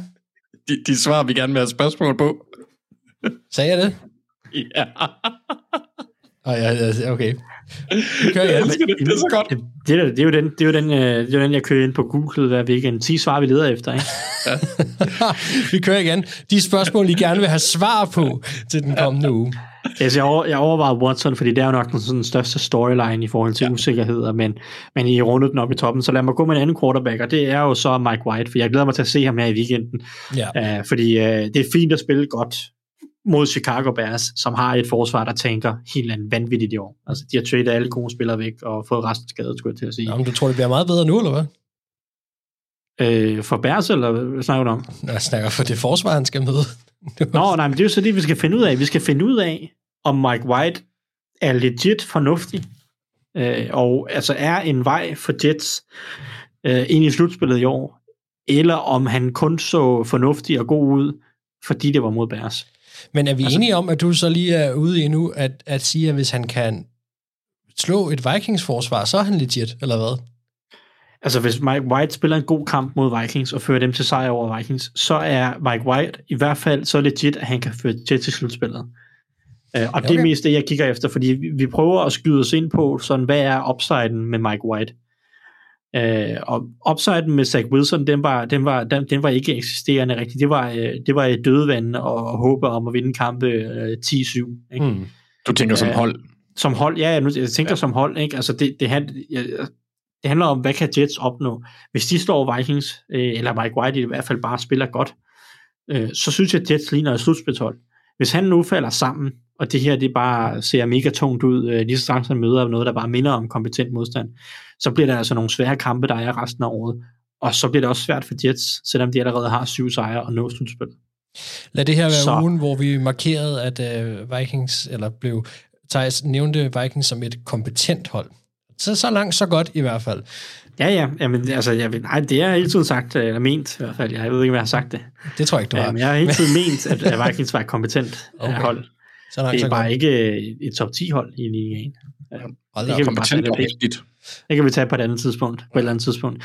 Øhm, men jeg glæder mig til at se Mike White, også for nu er der så en uges, eller en, eller en uges uh, tape på ham. Vikings skal forberede sig på, hvad de er, de så mod uh, Bears, uh, og se, hvad er det, han kan, hvad er styrker, hvad er svagheder, hvad er det for nogle spil, Jets går til med ham, uh, i hvert fald i en anden grad. Uh, endnu er ikke meget, men, men jeg synes, det er en god, uh, god, et godt tidspunkt at se, uh, hvad så Jets kan det her angreb uh, virkelig løfte sig og blive gode nok til at følge med et Vikings-angreb. Um, Ja. det, det synes jeg er interessant. Og så endda på udebane også. Det, det, det er et halvfarligt sted at spille. Det bliver Ja. spændende at se. Anders, øh, vi skal til noget, du rigtig godt kan lide. Så det er ikke svensk pølseret. Det er, Nej. faktisk, det er faktisk det præcis modsatte af svensk pølseret. Det kan vi godt kalde ham. Ja. Jeg, har så, jeg kan så se, at jeg har stadig ham forkert i noterne, så derfor må jeg straffe mig selv lidt. Men det passer også med, at vi når ind i fjerde kvartal, så det er nu, jeg skal begynde at slå mig selv i skridtet. øhm, jamen, jeg vil gerne have at vide, om, øh, om Giants de kan få gang i Saquon øh, mod, mod et, øh, et ret godt løbeforsvar i, i VC'et, Washington Commanders. Der har været lidt dødt fra, fra Sequans øh, side. Ja, i noget tid. Øh, I hvert fald de sidste tre kampe, han havde... Nej, man kan jo næsten også tage den, hvor han havde 35 carries og 154 yards eller sådan noget mod Texans. Den kan man næsten også tage med, fordi, som Ty sagde, Texans er, et, øh, et bye, er en bye week Ja. lige for tiden. Øhm, men igen. det har bare ikke, altså han har ikke lignet, lige i starten af sæsonen, der var han jo magisk, og det, han havde det der brillante løb, hvor det nærmest ligner, at han, altså, at han er en ung version af Dumbledore, der bare laver magi. Det så nærmest unaturligt ud. Øhm, men mod, mod Washington, og det bliver en vanvittig vigtig kamp også for Giants, de møder Washington to gange. Øh, deres øh, schedule lige nu er øh, VC, Eagles, VC, så det er tre divisionskampe. Det bliver meget, meget vigtigt, hvis Giants skal gøre sig forhåbninger om at nå slutspillet, at de får nogle positive resultater, i hvert fald to af de her kampe. Øh, og så er de en kamp foran øh, Washington Commanders lige nu. De har vundet lige mange, men Washington har et nederlag mere med 7 og 5. Vikings, øh, Vikings Giants er 7 og 4. Det vil jeg ikke sige om Vikings Mark Zone er ikke. Nå, okay. Det vil også være løgn. Det er vil de det også. 9 og 2, ikke? Jo, noget Jo. jo. stil. De er gode. Øhm, men, men altså, det var også fordi, i weekenden, der havde, altså Washington har jo, deres styrke er jo deres defensive linje, men de havde deres problemer med, mod Falcons, der selvfølgelig også er et veludviklet løbeangreb, men de havde svært ved at, at stoppe RPO-delen. Marcus Mariota havde, havde nogle af 40 yards, de, øh, som hold snittet i 8, eller 5,8 yards per løb. Og Daniel Jones, han kan godt bruges i den her scene, så spørgsmålet så, om de kan få aktiveret Saquon i samme, og så lige kopiere dem en lille bitte smule. Fordi så kan Washingtons defensiv linje, den, den kan tales med. Og Altså- jeg tror ikke, at Giants vinder den i luften, så derfor er det vigtigt for dem, at de får gang i Saquon. Altså nu er du det menneske, jeg kender, som er tættest på i i hvert fald mentalt. Så føler du Mm. den rette at spørge om det her.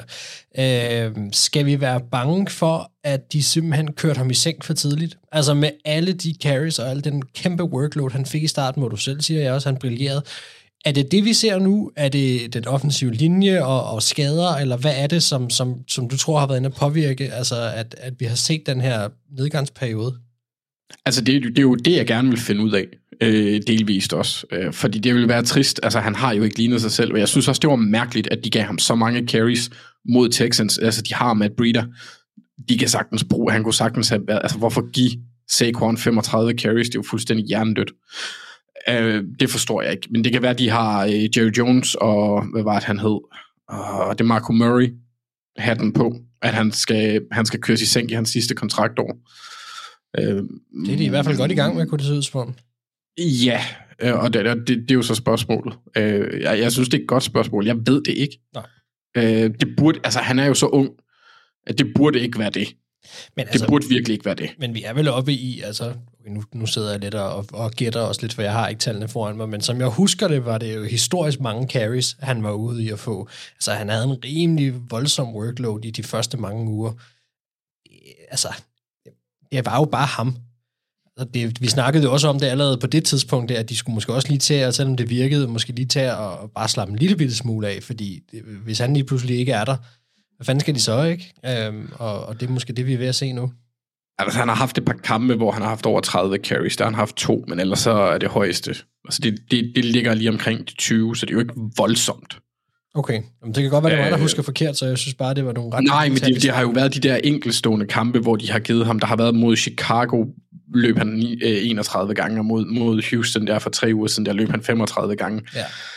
Øh, og så har de så været inde i, i nogle kampe, hvor han ikke rigtig har været en faktor. Øh, blandt andet mod Lions, hvor han, han snittede 1,47 yards per carry. Ikke? Øh, ja. Men de skal have ham aktiveret, så spørgsmålet, om de kan det.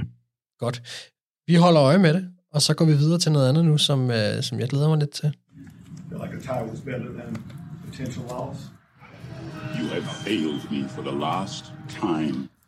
Vi skal nemlig have endnu et hold ud i kulden, i vinterkulden, og øh, det er øh, tre hold, som, øh, som vi kan vælge imellem nu, som i sidste uge blev nomineret af Anders, Mathias og Thijs. Jeg var der ikke med i sidste uge, så, øh, så jeg havde ikke noget besøg med der. Til gengæld så kan jeg så øh, få lov til at være med til at stemme om hvilket af de tre hold. Og Anders, han stemte på Browns, Mathias på Jaguars og Thijs på Broncos.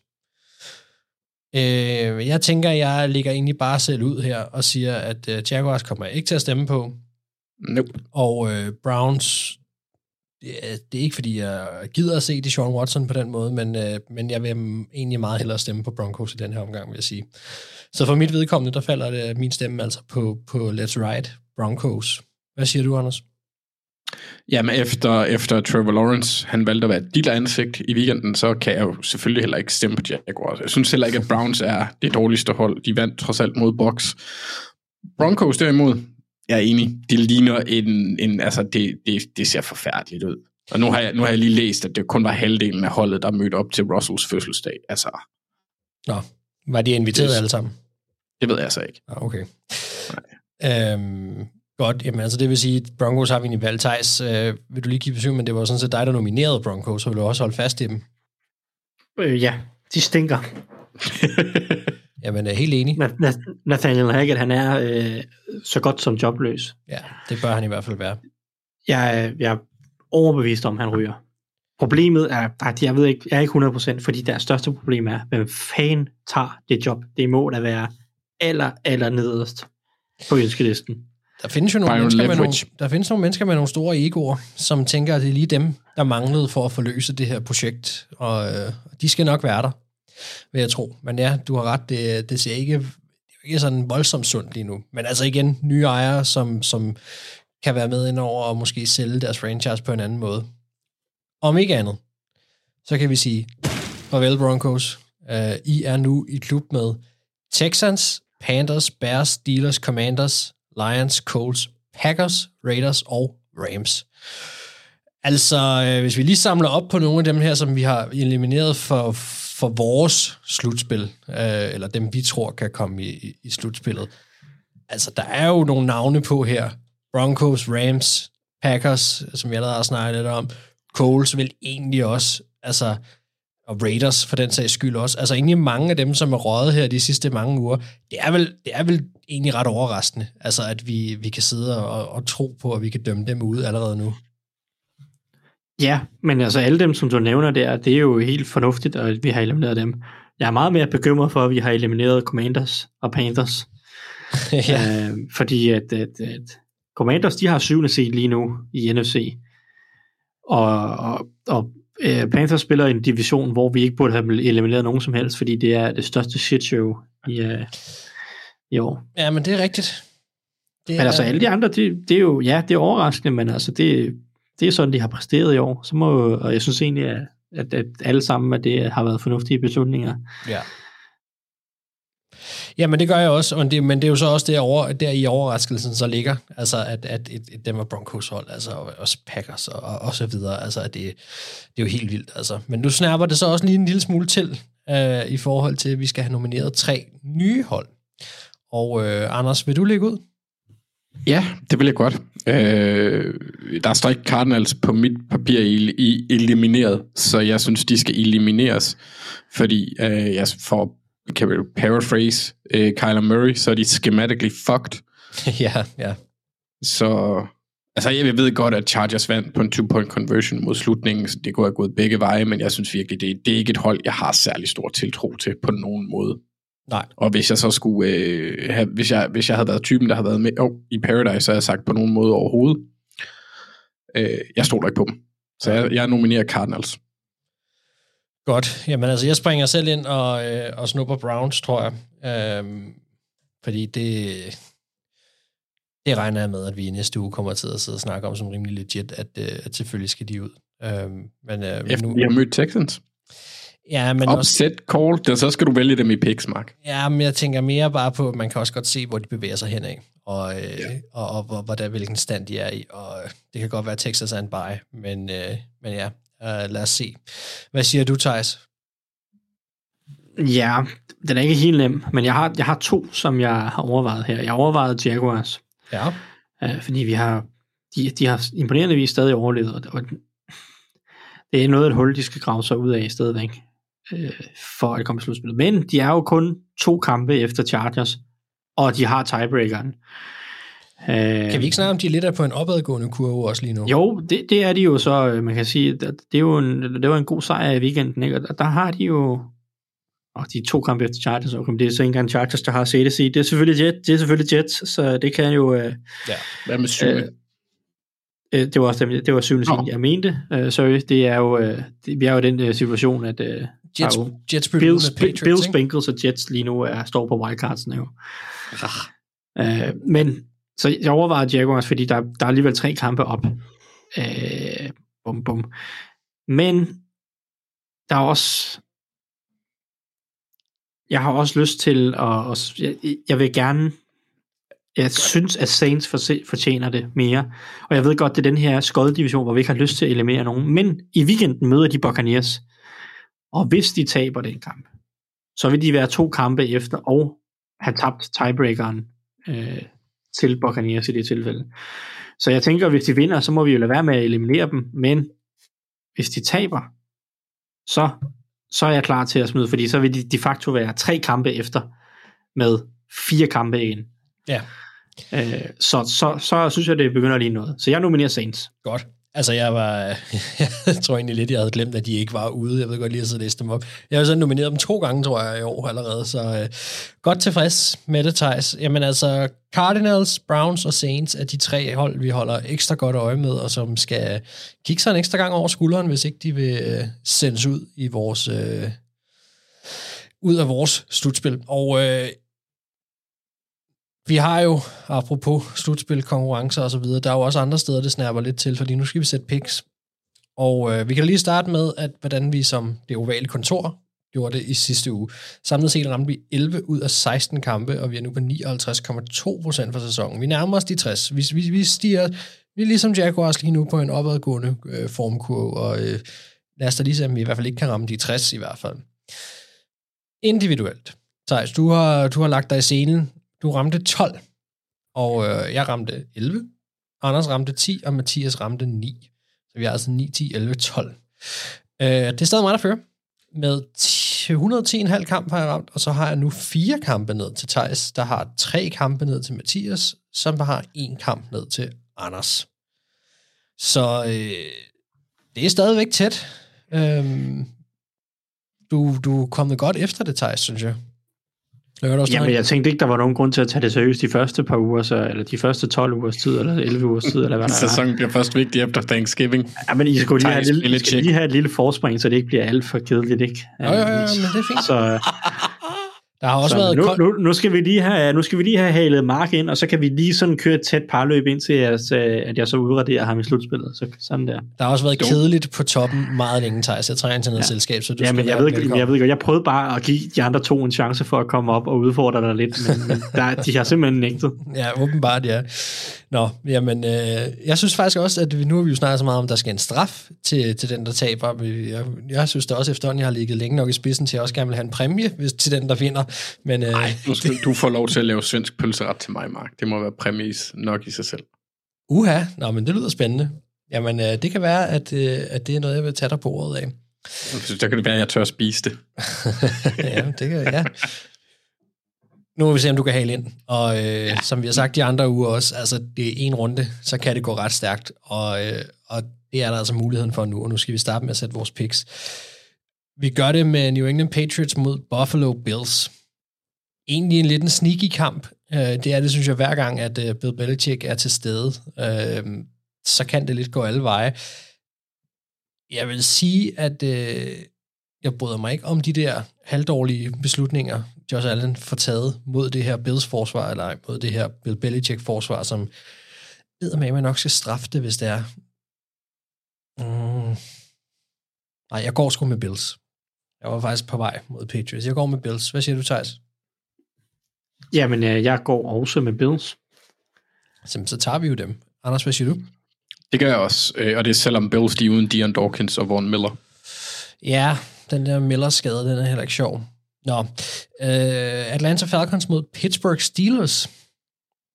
Altså, Thijs, vi to jo hørte jeg Steelers begge to i sidste uge, og fik en god sejr ud af det.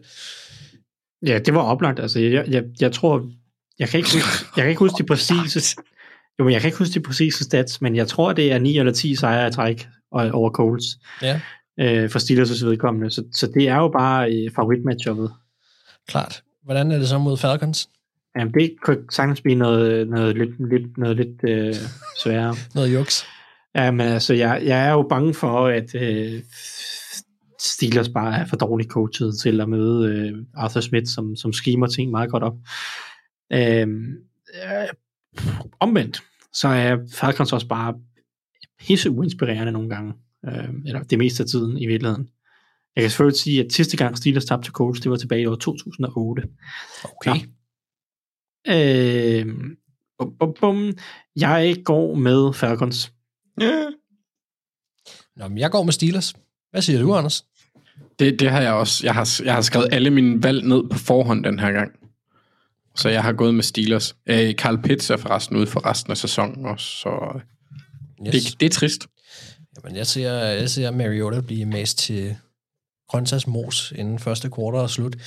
Nå, øh, Mark, Mark, apropos grøntsager, hvis du så et gemyse betyder grøntsag på tysk? er det ikke en nisse for en julekalender? Jo, det har ødelagt nissebanden for mig fuldstændig. En, At hun, at hun hedder grøntsag, det synes jeg er fantastisk. og det er ikke én grøntsag. Jeg troede, du jeg skulle til at gætte, hvad for en grøntsag det var. Det betyder bare grøntsag. Det betyder bare grøntsag. Ja, det, ja, det er sgu ikke så øh, inspirerende. Det er meget mærkeligt. ja, det er det faktisk. Okay, jamen ja. øh, vi går videre til Baltimore Ravens mod Denver Broncos, og øh, det er vel bare en Ravens hele vejen rundt, er det ikke? Jo.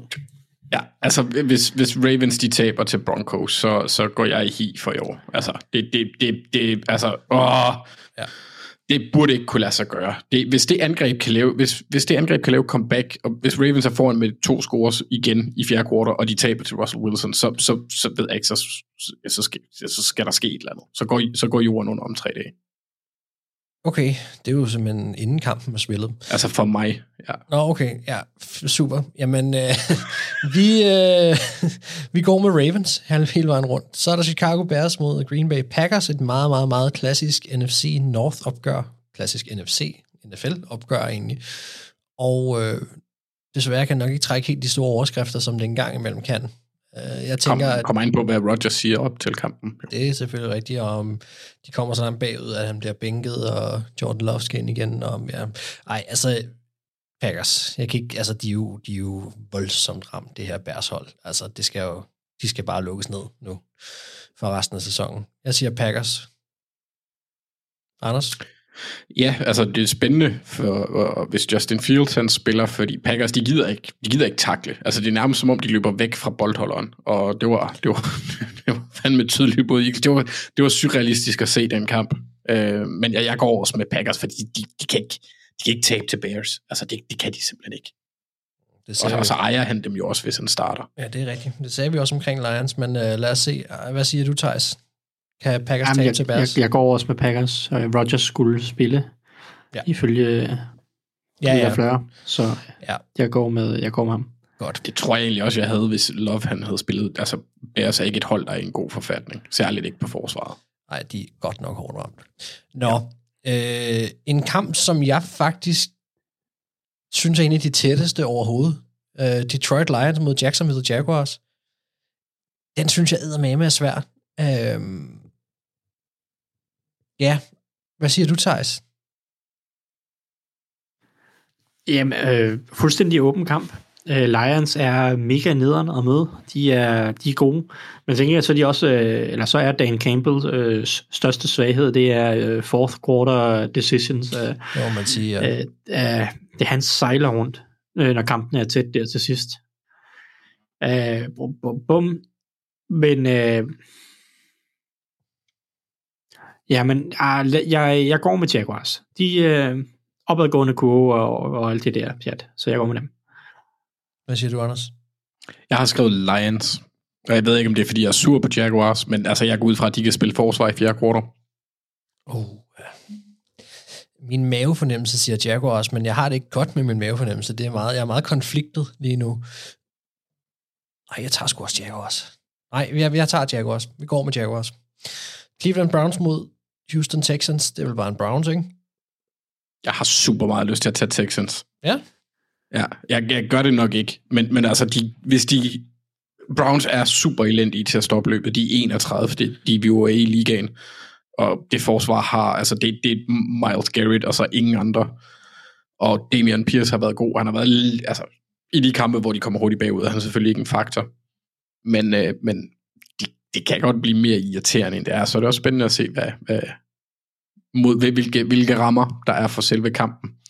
Om de kan, de kan komme ind i hovedet på, om publikum kan komme ind i hovedet på Watson. Men ej, jeg tager Browns. Altså, hvis Texans vinder den kamp, så lover jeg, at så spiller vi deres fight song i dens helhed, hvis de har nogen, eller et eller andet. Så må, må vi markere dem simpelthen øh, i næste uge, og så skal de hyldes. Thijs, du har ikke sagt noget, så jeg går ud fra, at det bare er Browns. Ja, vi, øh, vi går med Browns. Godt. En anden kamp, som øh, potentielt set godt kunne blive tæt, det er Vikings mod Jets, som har nogle, nogle ret fede matchups i kampen. Jeg havde faktisk besluttet mig for at øh, tage Jets, og det er jeg blevet lidt i tvivl, om jeg holder fast i, men det der er bare noget med de der øh, skader på cornerbacks til Vikings lige nu. Ikke engang af Caleb Evans. Jo, måske kommer han til at spille. Hvis ikke han gør, så er det Duke Shelley igen. Jeg kan eddermame ikke lide det der Ingram mod, mod det der Jets pass rush. Um,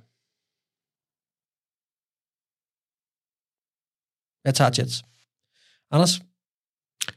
Jeg tager Vikings. Thijs? Øhm, ja, Mark. Jeg, jeg har lyst til at tage Vikings, men de er også bare nogle kæmpe frauds. Øh, så jeg tager Jets. Jamen, så går vi med Jets.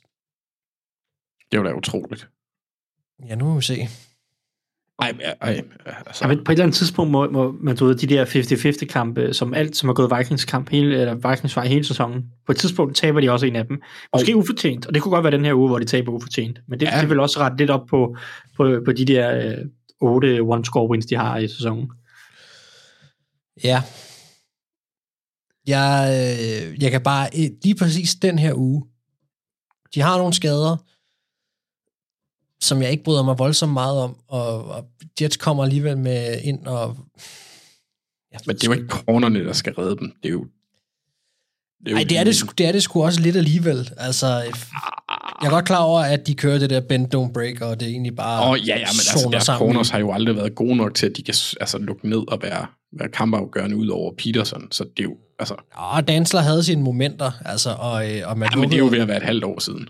Nej, nej, det var det da ikke. Det var inden han gik på IR. Han, der spillede ja. han faktisk okay. Men, Men, Nå, jamen, er det ikke lang tid siden, han blev skadet? Nej, han har været ude i tre uger nu. Nå. Og Caleb Evans kom jo ind og røg ud igen lige med det samme med en jernrystelse, og så kom Duke Shelley ind, som er deres fjerde cornerback, ikke?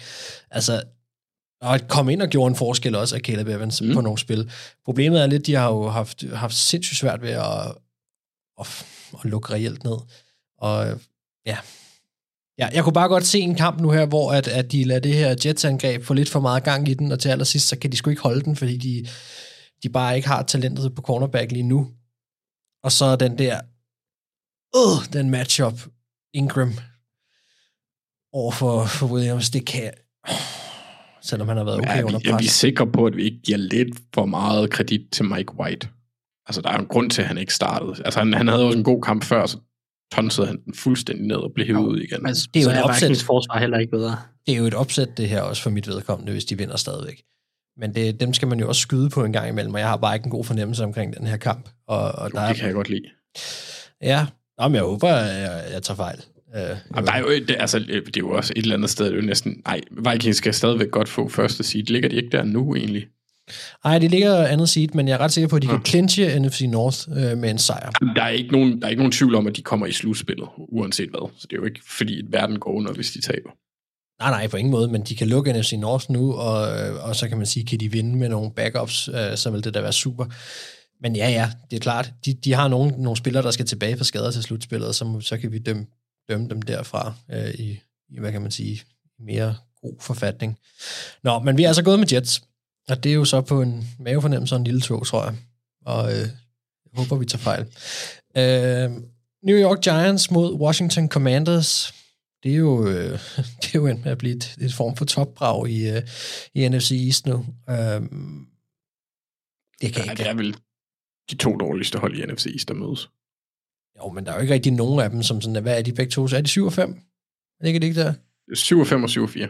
7 og 5, 7 og 4. Ja, ja. Men det er 3 og 4 i divisionen alligevel. Klart, men det siger også bare noget med NFC East i år, kontra nogle af de Ja. andre divisioner.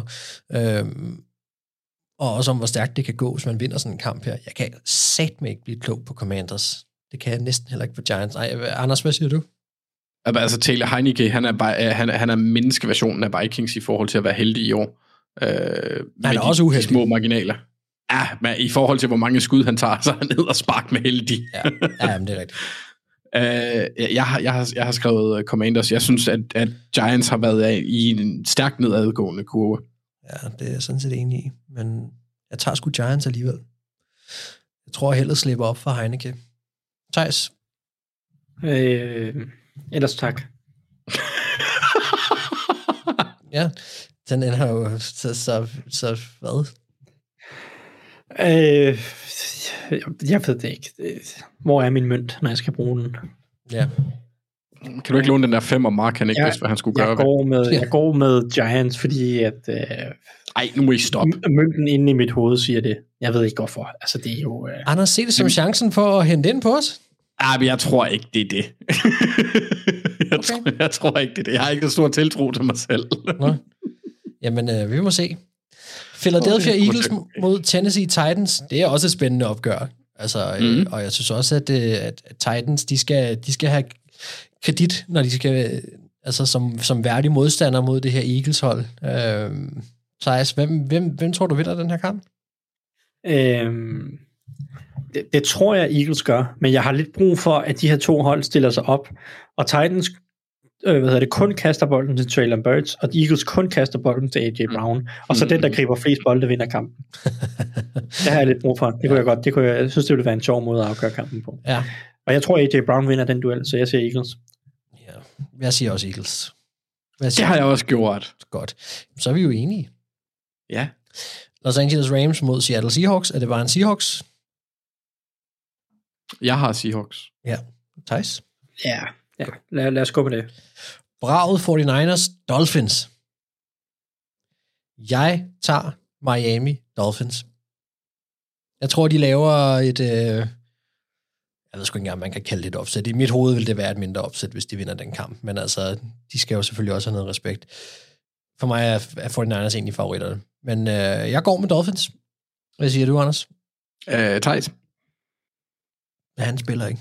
Øh, Mathias? Ja, hvad har Mathias sagt? Nu døde den der, så jo. Hvad skal vi gøre? Har Mathias ikke, har han ikke givet? Har han ikke afleveret sin valg? Nå, på den måde. Jeg troede, I ville ringe til Mathias. Nej, jeg har ikke øh, fået Mathias' valg.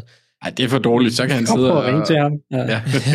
Ja, han fedt spiller jo. Altså, det er jo det samme. Det, læg mærke til, hvordan han gradvist kommer frem, når han ikke er med, ikke? og hvordan han gradvist falder tilbage, når han ikke er. Ja. Hvad siger du, Anders? Jeg har taget Miami.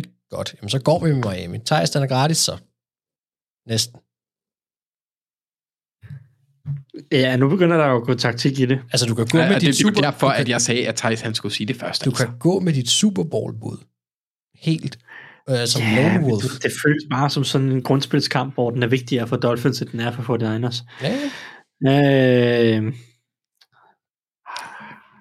Du kan også tage 49ers, så slipper vi for Christoffer. Han er efter os hele dagen i morgen. ja, men kan vi ikke... Øh, jo, vi kan. jeg, jeg siger Miami Dolphins, fordi jeg tror, jeg tror, de vinder. Godt. Jamen, øh, så er vi jo enige.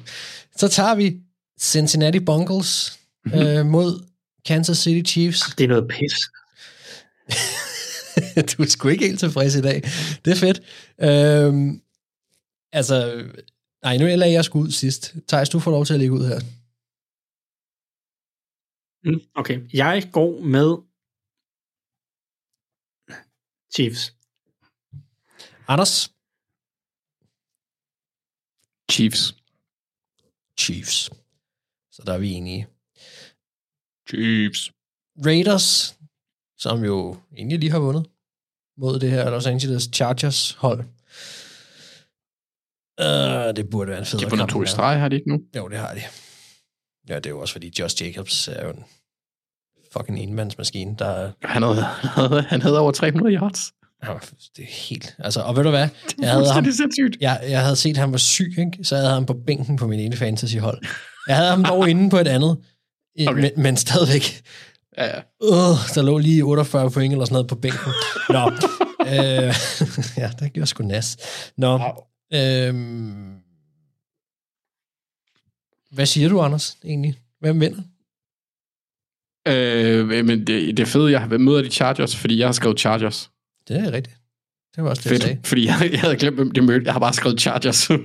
Super. Jamen, uh, Thijs, er du enig i det? Ja. Oh, ja, det er nok.